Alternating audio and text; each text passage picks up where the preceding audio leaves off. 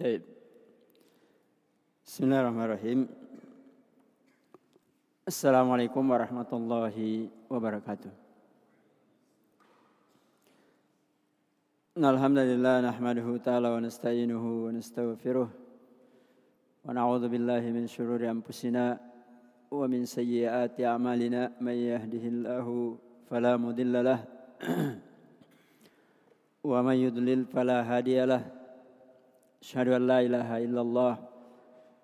wahdahu la syarikalah wa asyhadu Muhammadan sallallahu alaihi wa ala alihi wasallam. Alhamdulillah ikhwani fillah rahimakumullah kita bersyukur kepada Allah pada maghrib hari ini kembali kita mendapatkan taufik dari Allah sehingga kita bisa hadir di masjid. Kemudian kita lanjutkan dengan pelajaran kita dalam kitab ya Mubarak Risalah Salah Satu Usul. Nah, pada pertemuan yang lalu ya, kita sudah selesaikan cara mengenal syirikan dan tauhid. Dan kita juga sudah menyelesaikan di antara ibadah yang besar yang menjadi dalil dari semua ibadah adalah berdoa. Kemudian kita lanjutkan yang kedua tentang al-khauf. Mayakra. Siapa yang mau baca?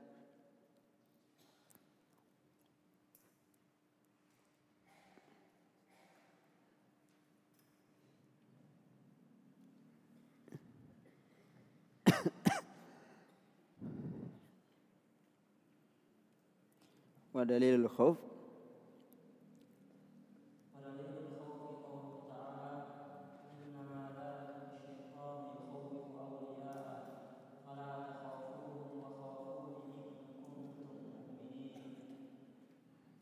طيب ودليل الخوف jadi beliau menyebutkan ibadah secara terperinci yang kedua yakni al-khauf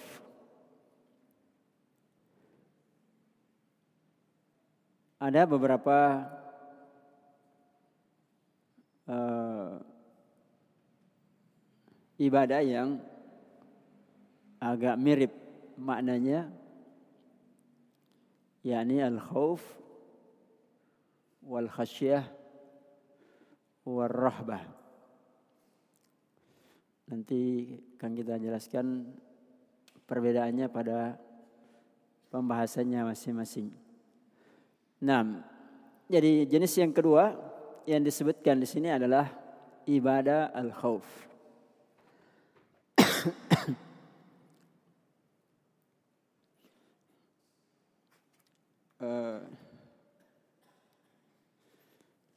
Jadi sudah yang pertama dua, yang kedua al-khauf,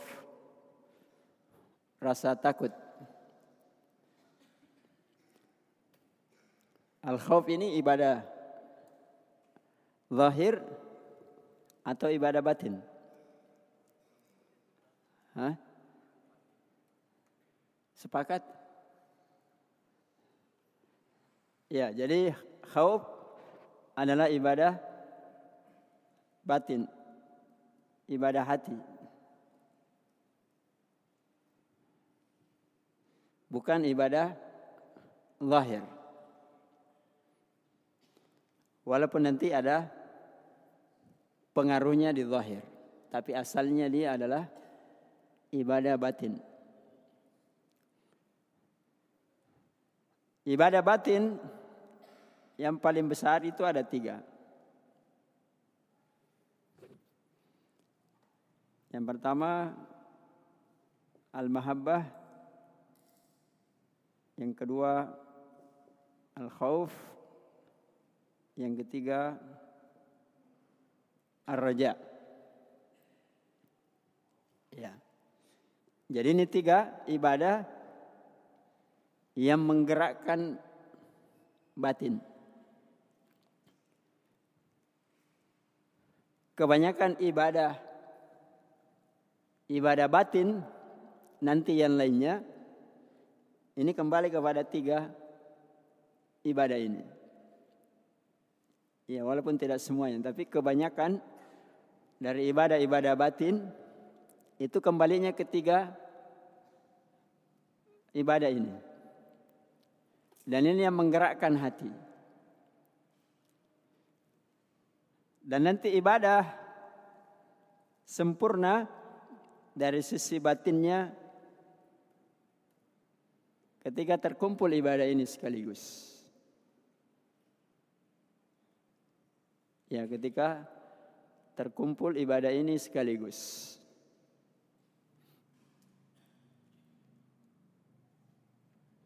Misalnya kita salat.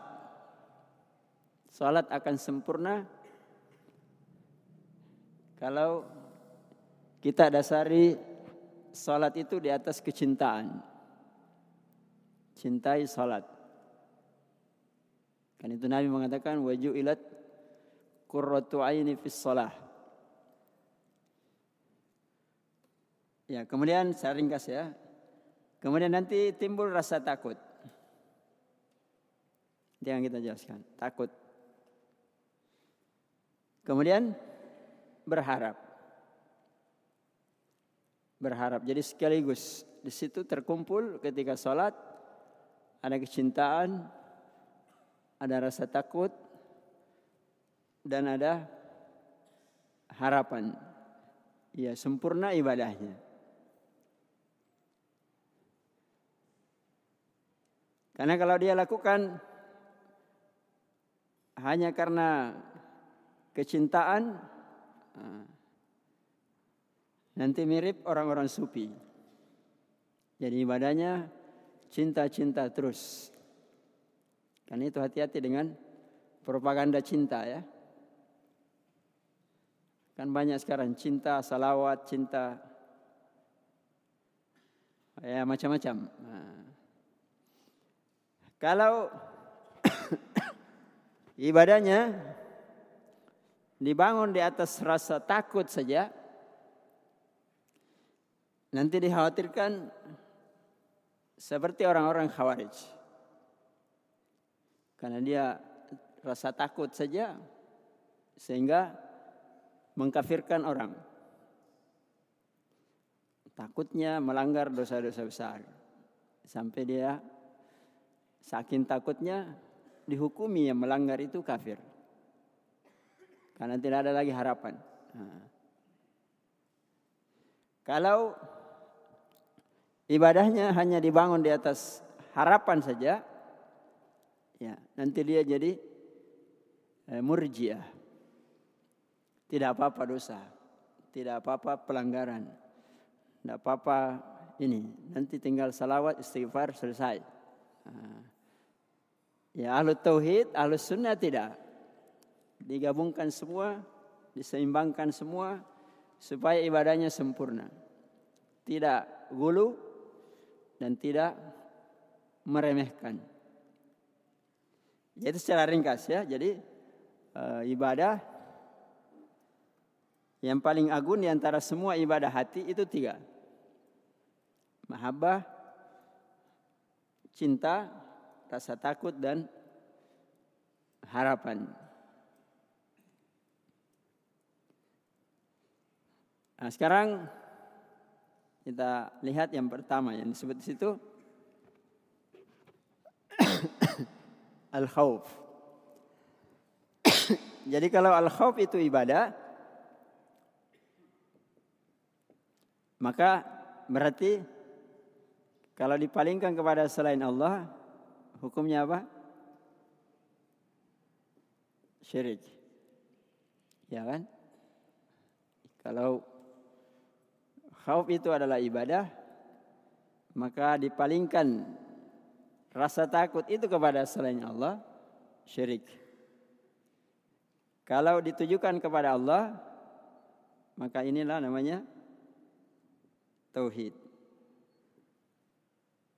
Karena dia adalah ibadah.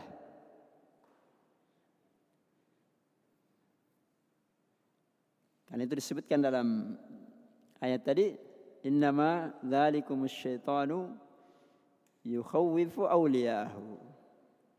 Syaitan itu menakut-nakuti pengikut-pengikutnya. Fala takhafuhum. Janganlah kalian takut kepada syaitan dan pengikut-pengikutnya. Wa khafuni. Dan takutlah kata Allah hanya kepadaku. Jadi kalau takut kepada syaitan berarti kesyirikan. Itu secara global. Tapi kalau takut hanya kepada Allah berarti itu adalah tauhid. Tapi nanti diperincikan supaya tidak salah penempatan. Yang sampai semuanya dihukumi syirik. Eh, tidak semua takut itu masuk dalam kesyirikan. Tapi dipahami dulu, kalau khauf itu adalah ibadah, ini kan prinsip yang selalu harus diulang, diulang, diulang pada semua ibadah.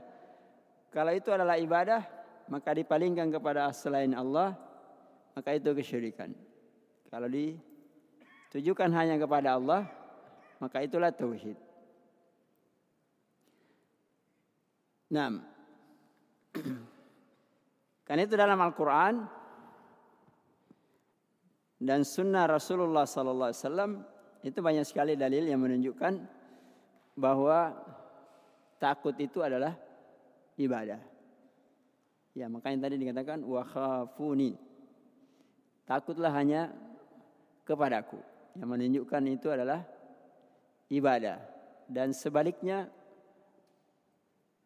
Eh, innama dzalikumus syaitanu yukhawwifu awliyahum fala takhafuhum.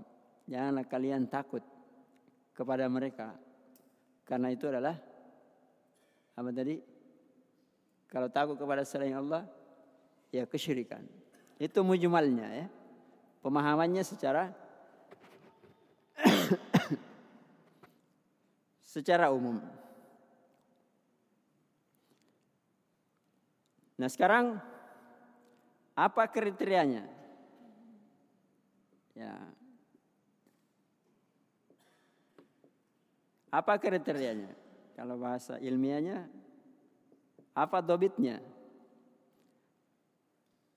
Dikatakan kesyirikan itu apa khauf itu masuk ke dalam kesyirikan. Bagaimana caranya menilai sampai suatu amalan dari rasa takut tadi ya itu dihukumi kesyirikan. Kan tadi kan begitu. Janganlah takut kepada selain Allah, termasuk syaitan. Apakah semua takut seperti itu dihukumi kesyirikan? Nah, sekarang bagaimana batasannya? Bagaimana kriterianya? Bagaimana apakah bahasanya lebih tepat? Batasan-batasannya sehingga sesuatu itu dihukumi Rasa takut itu dihukumi kesyirikan. Nah, kata para ulama, takut itu dihukumi kesyirikan, batasannya kalau takut ya kalau takut kepada selain Allah pada perkara yang tidak mampu dilakukan kecuali hanya oleh Allah. Paham? Kalau dia takut pada perkara yang takut kepada sayang Allah, pada perkara yang hanya Allah yang mampu. Hanya Allah yang mampu. Jadi ayah khafu Allah Fima la yaqdiru illallah. Dia takut kepada sesuatu yang sesuatu itu hanya Allah yang mampu melakukannya. Jadi kalau dia takut kepada selain Allah, Itulah kesyirikan. Diulang atau sudah paham? Contoh. Karena contoh itu memperjelas. Ya. Apa contohnya yang hanya mampu hanya Allah. Makhluk tidak mampu. Hah? Apa contohnya? Mencari berkah. Ya bisa saja makhluk mampu.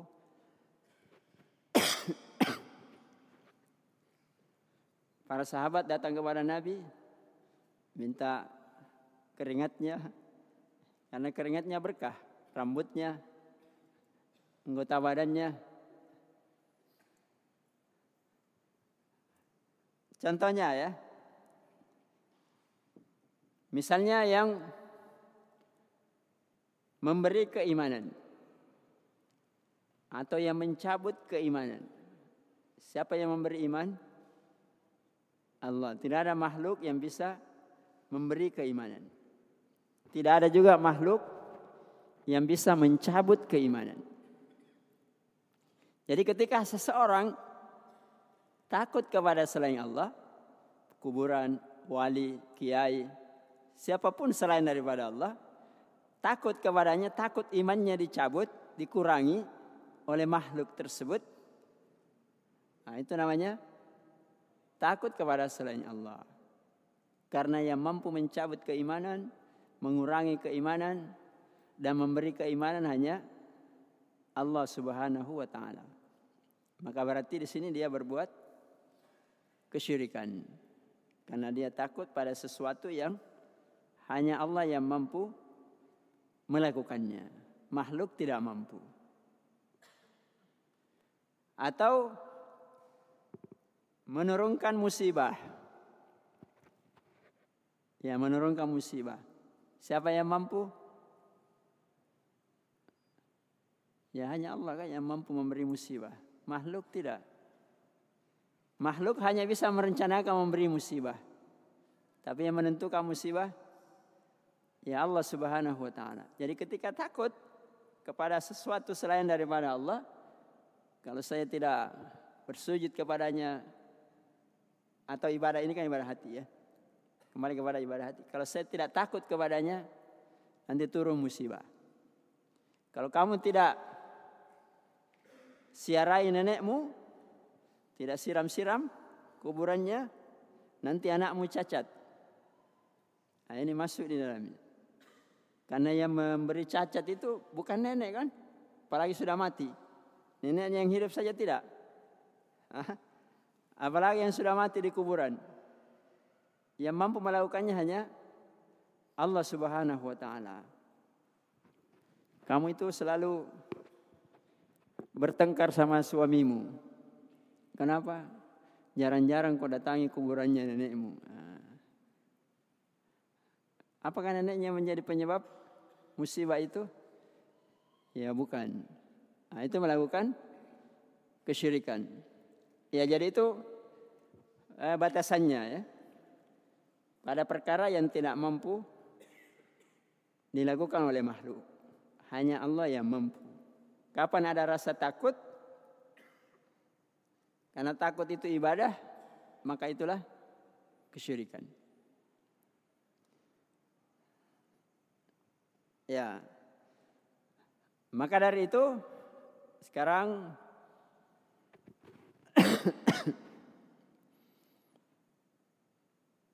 uh, kita belajar secara lebih terperinci ahkamul khauf.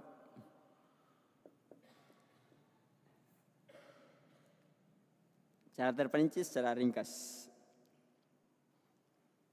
Hukum-hukum yang terkait dengan rasa takut. Jadi hukumnya bukan satu ya. Bukan syirik saja. Yang pertama, yang kedua, ya ini tadi.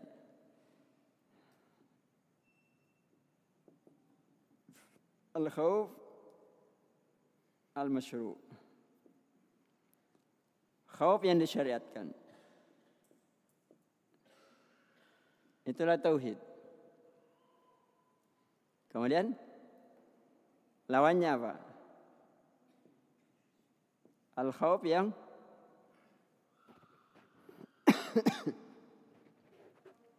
dilarang. Ya. Atau ulama mengatakan al khawf atau khawf sirri. Khauf takut rahasia. Inilah umumnya masuk kepada syirikan.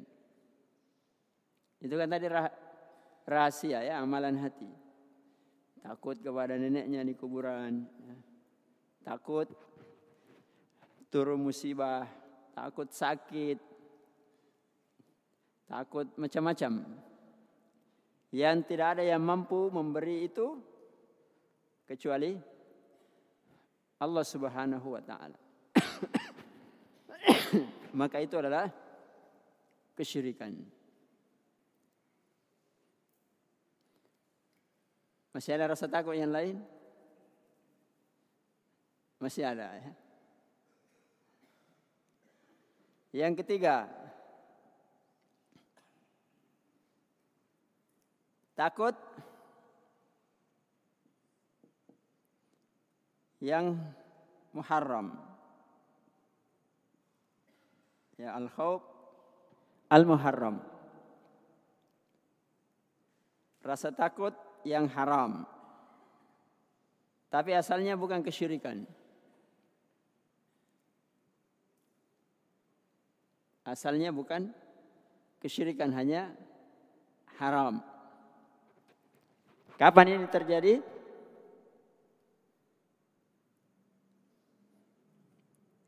Kalau yang pertama kalau dia takut sehingga dia meninggalkan kewajiban atau Eh, melakukan yang dilarang. Fi'lul muharramat. Itu takut bukan kesyirikan, tapi haram, dosa. Contohnya kalau misalnya dia takut sama gurunya. Gurunya. Sehingga dia tidak pergi sholat. Dia yakini sholat wajib. Dia sering lakukan tapi ketika di hadapan gurunya. Gurunya tidak pergi sholat. Dia juga diam-diam. Kenapa tidak pergi sholat? Nanti kita dimarahi sama guru. Hah? Atau sama pejabat. Atau sama siapa saja. Ya, ini kan takut. Jadi takut bukan ibadah, tapi takut dia menyebabkan kewajibannya kepada Allah dia tidak lakukan. Maka itu namanya rasa takut yang haram. Ya, rasa takut yang haram. Dan ini kan banyak terjadi ya. Orang karena takut kepada manusia, dia rela meninggalkan kewajibannya. Kalau di kantor, sungkan pergi berjamaah. Kenapa? Takut dibully. Kan begitu ya. Takut dibilangi alim. So apa? So suci. So macam-macam. Itu kan rasa takut. Nah, itu namanya rasa takut yang haram. Tapi kalau berkembang bisa naik ke sini. Jadi bukan lagi takut seperti tadi, tapi meningkat. Nanti takut ada musibah, takut gajinya dipotong, takut. Nah. Bisa masuk ke syirik asgar. Lama-lama ya bisa masuk syirik akbar. Tapi asalnya dia bukan kesyirikan atau takut sehingga dia melakukan yang haram. Misalnya dia hadir di pertemuan disuguhkan ballo atau sekarang mungkin lebih canggih narkoba atau yang lebih canggih daripada itu. Dia takut dari teman-temannya. Kalau dia tidak ikut merokok, kalau kita menganggap rokok itu haram ya, uh, takut tidak minum, nanti temannya menjauhinya, nanti temannya tidak lagi memanggilnya, nanti nanti macam-macam merasa takut. Nah, ini namanya takut yang haram. Tapi bukan kesyirikan. Kecuali kalau rasa takutnya itu berubah. Ya, rasa takutnya berubah bisa menjadi wasilah kepada kesyirikan. Di sini?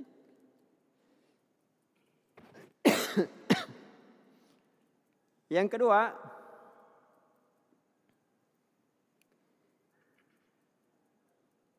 takut yang haram kalau dia hanya takut sekedar takut saja. Ya.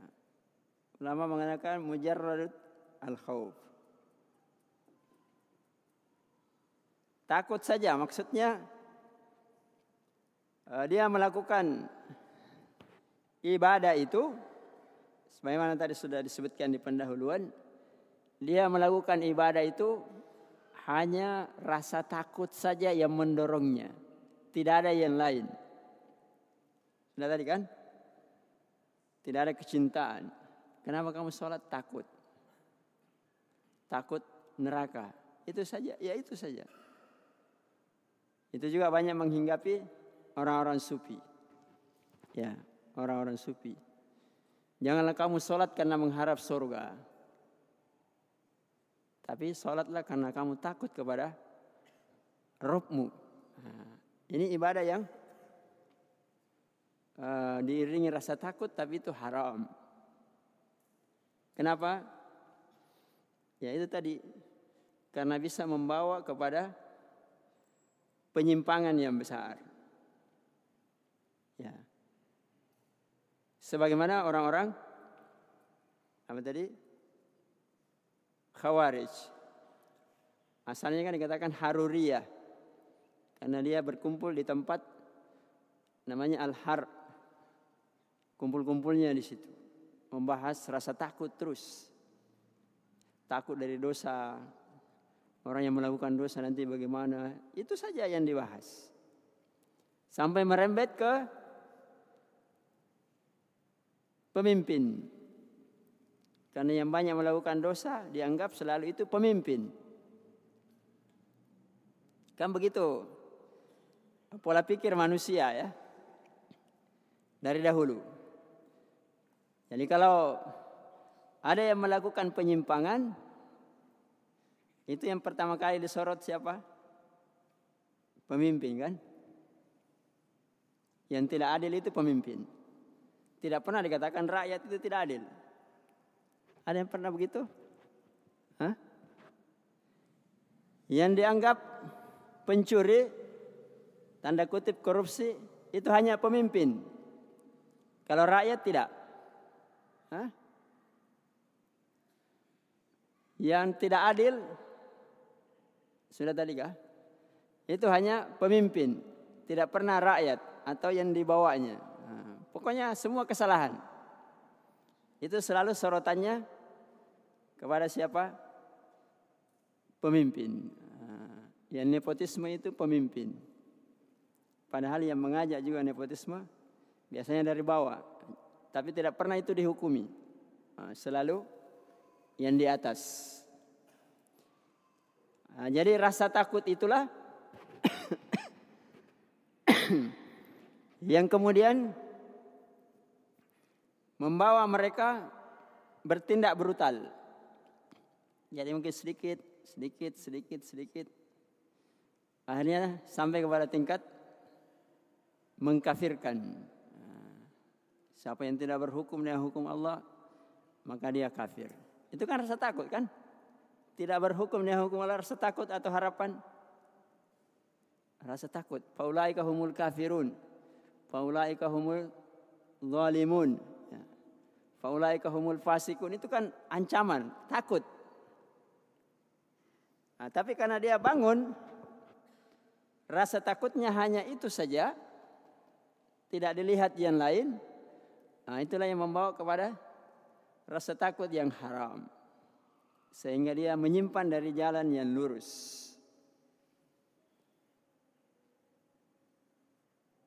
Iya.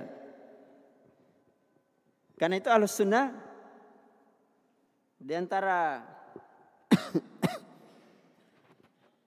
usulnya kalau kita pelajar dalam kitab uh, dalam akidah alus sunnah manhaj alus sunnah kelompok pertama yang menyimpang itu dari rasa ibadah ini al khawf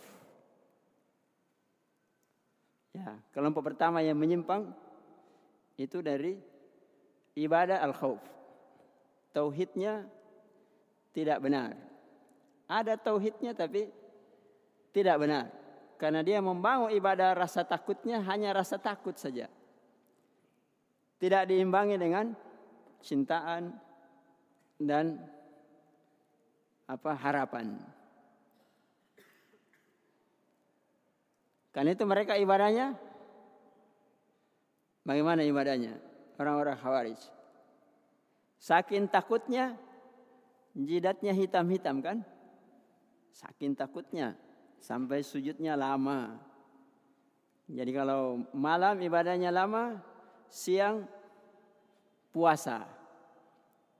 Ya, kan Nabi kan mengatakan begitu. Sampai di hadapan sahabat kalian akan merasa diri kalian tahta kiruna. Ya, kalian merasa rendah diri di hadapan mereka. Bisolatihim, wa qiyamihim, Ya pokoknya ibadah-ibadah yang lain. Saking apa? Takutnya. tapi keliru karena dia bangun di atas sekali lagi hanya rasa takut saja. Ya, jadi apa yang terjadi? Kalau sesuatu itu tidak seimbang, apa yang terjadi?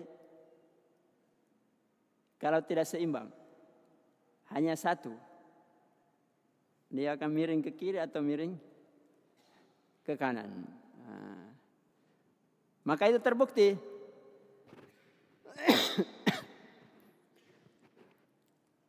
Kisahnya kan maruf. Orang Khawarij suatu ketika dia berada di tepi sungai. Di tepi sungai ada mengalir pohon apa buah mangga ya. Kalau kita anggaplah buah mangga atau buah apalah pada waktu itu. Karena dia lapar, dia ambil mangga itu. Kupas, kemudian dimakan. Setelah dimakan, ya, setelah dimakan,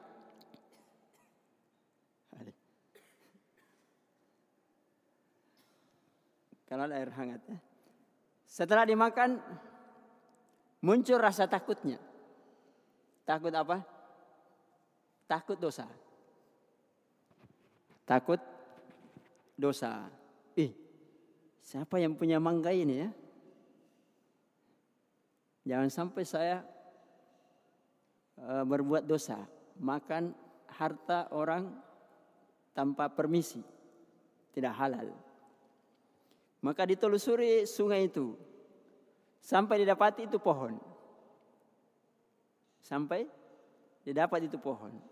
Setelah didapat itu pohon, ditanya sama orang-orang di sekitarnya siapa yang punya pohon ini. Ya ditanya, disebut dia cari, dia minta dihalalkan. Saya sudah makan tadi buahnya mengalir, padahal jauh ya. Itu kan rasa takut yang hebat, luar biasa. Saking takutnya, hal-hal seperti itu pun ditakutkan. Tetapi eh, di lain pihak, eh, ya itu tadi satu pihak. Di lain pihak, ketika dia menghukumi orang ya menghukumi orang kalau sudah dihukumi kafir maka darahnya pun halal darahnya pun halal ya maka kisahnya tadi orang yang sangat hati-hati tadi sampai minta ditelusuri sampai minta izin minta dihalalkan tapi ketika terjadi perang karena menghalalkan darah sebagian kaum muslimin ada perempuan yang hamil karena dianggap pro kepada pemerintah, dibunuh dan dibelah perutnya. Kenapa? Kenapa bisa demikian? Karena rasa takut saja. Ya, tidak ada kecintaan, tidak ada harapan. Jadi tindakannya nanti akan berbanding terbalik. Pada satu sisi sangat takut.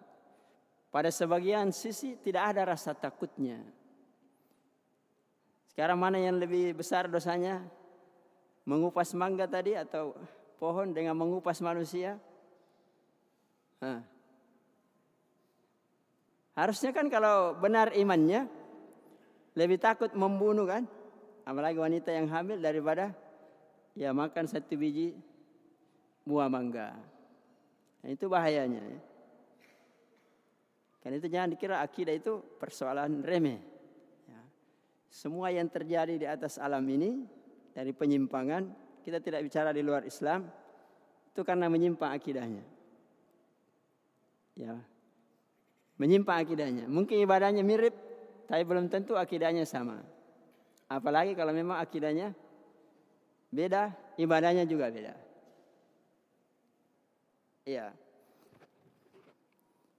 Uh, di lain pihak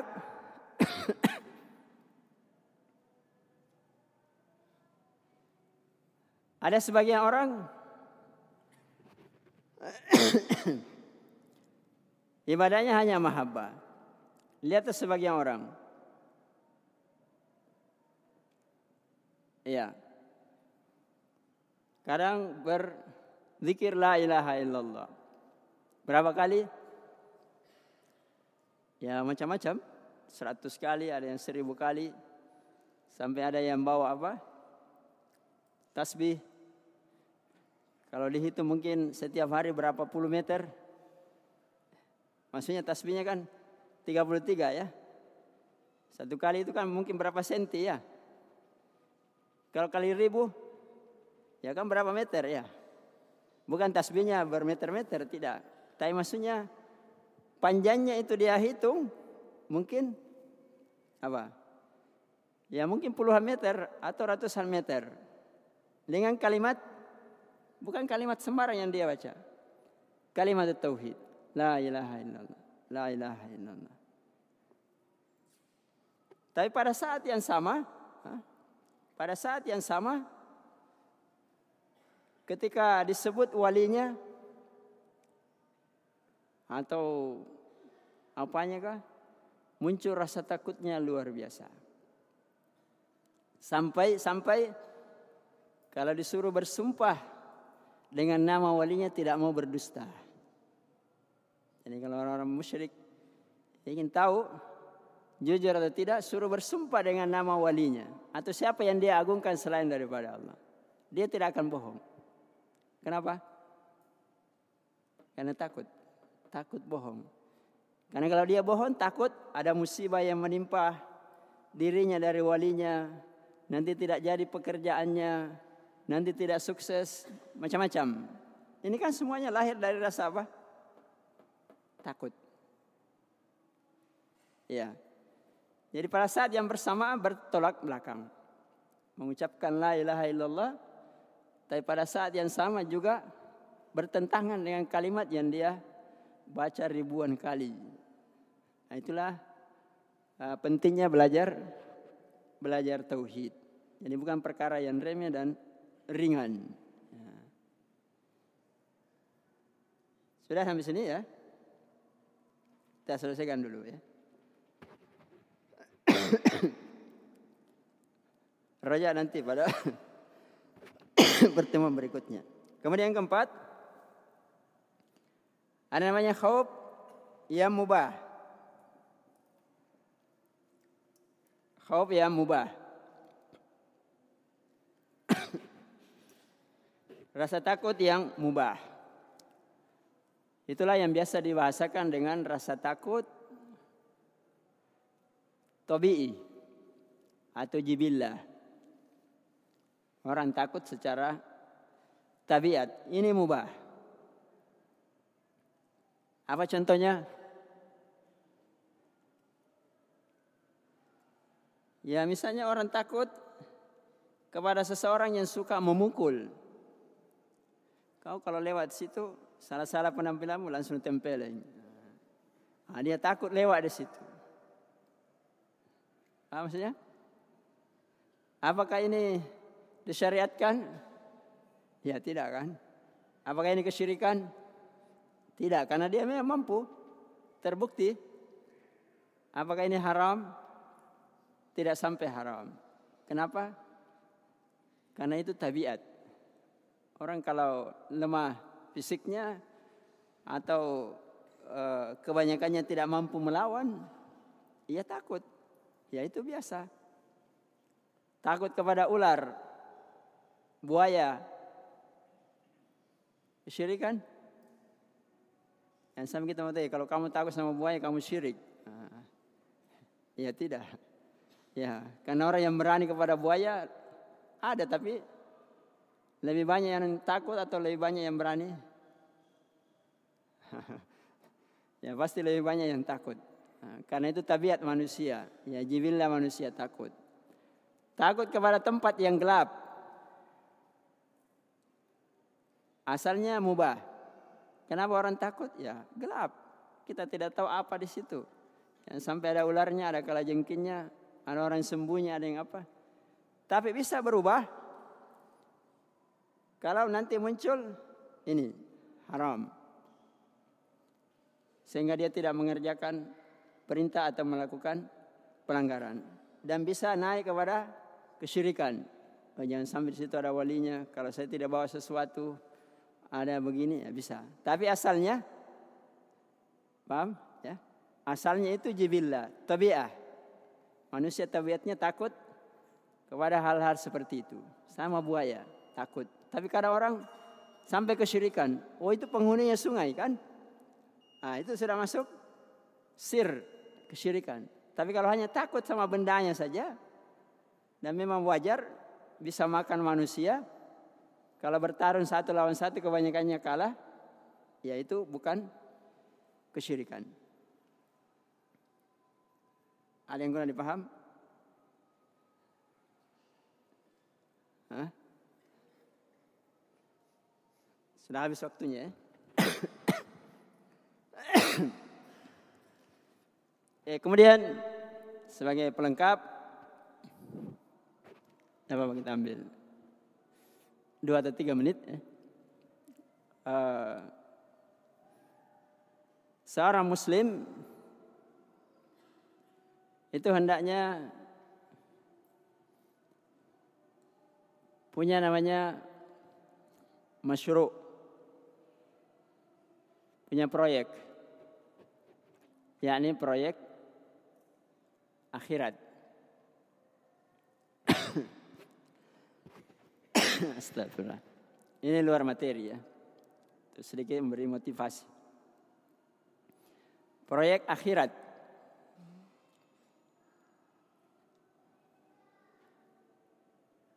Pemilik proyek dan yang punya proyek paling besar dari proyek akhirat yaitu para nabi. Apa proyek akhiratnya nabi? Hah? Itulah mendakwakan tauhid. Kan itu semua nabi, ya. Semua nabi diutus oleh Allah, proyeknya sama. Ya kaum ibudullaha malakum min ilahin ghairu. Wahai kaumku sembahlah hanya kepada Allah. Tidak ada sesembahan selain daripada Allah. Itu proyeknya nabi dan proyek yang paling besar. Dan itu proyek tidak pernah berubah. Dari awal Allah turunkan nabi dan rasul sampai hari kiamat. Karena proyek itu pula lah sehingga ada namanya surga dan neraka. Diturunkan kitab-kitab. Ada balasan. Ada macam-macam. Itu semua karena proyek tersebut. Saja ya? Karena itu sesibuk apa pun kita, apa pun yang kita geluti, ah, kecuali penuntut ilmu, selainnya maksudnya, termasuk juga penuntut ilmu, jangan lupakan proyek ini. Karena intinya proyek semuanya di sini. Maksudnya, inti semua proyek di sini. Sehingga kalau ada orang berdakwah tidak mendakwakan tauhid itu di luar proyek Nabi dan Rasul. Walaupun ada bagiannya di situ. Ada bagian dakwanya Nabi dan Rasul.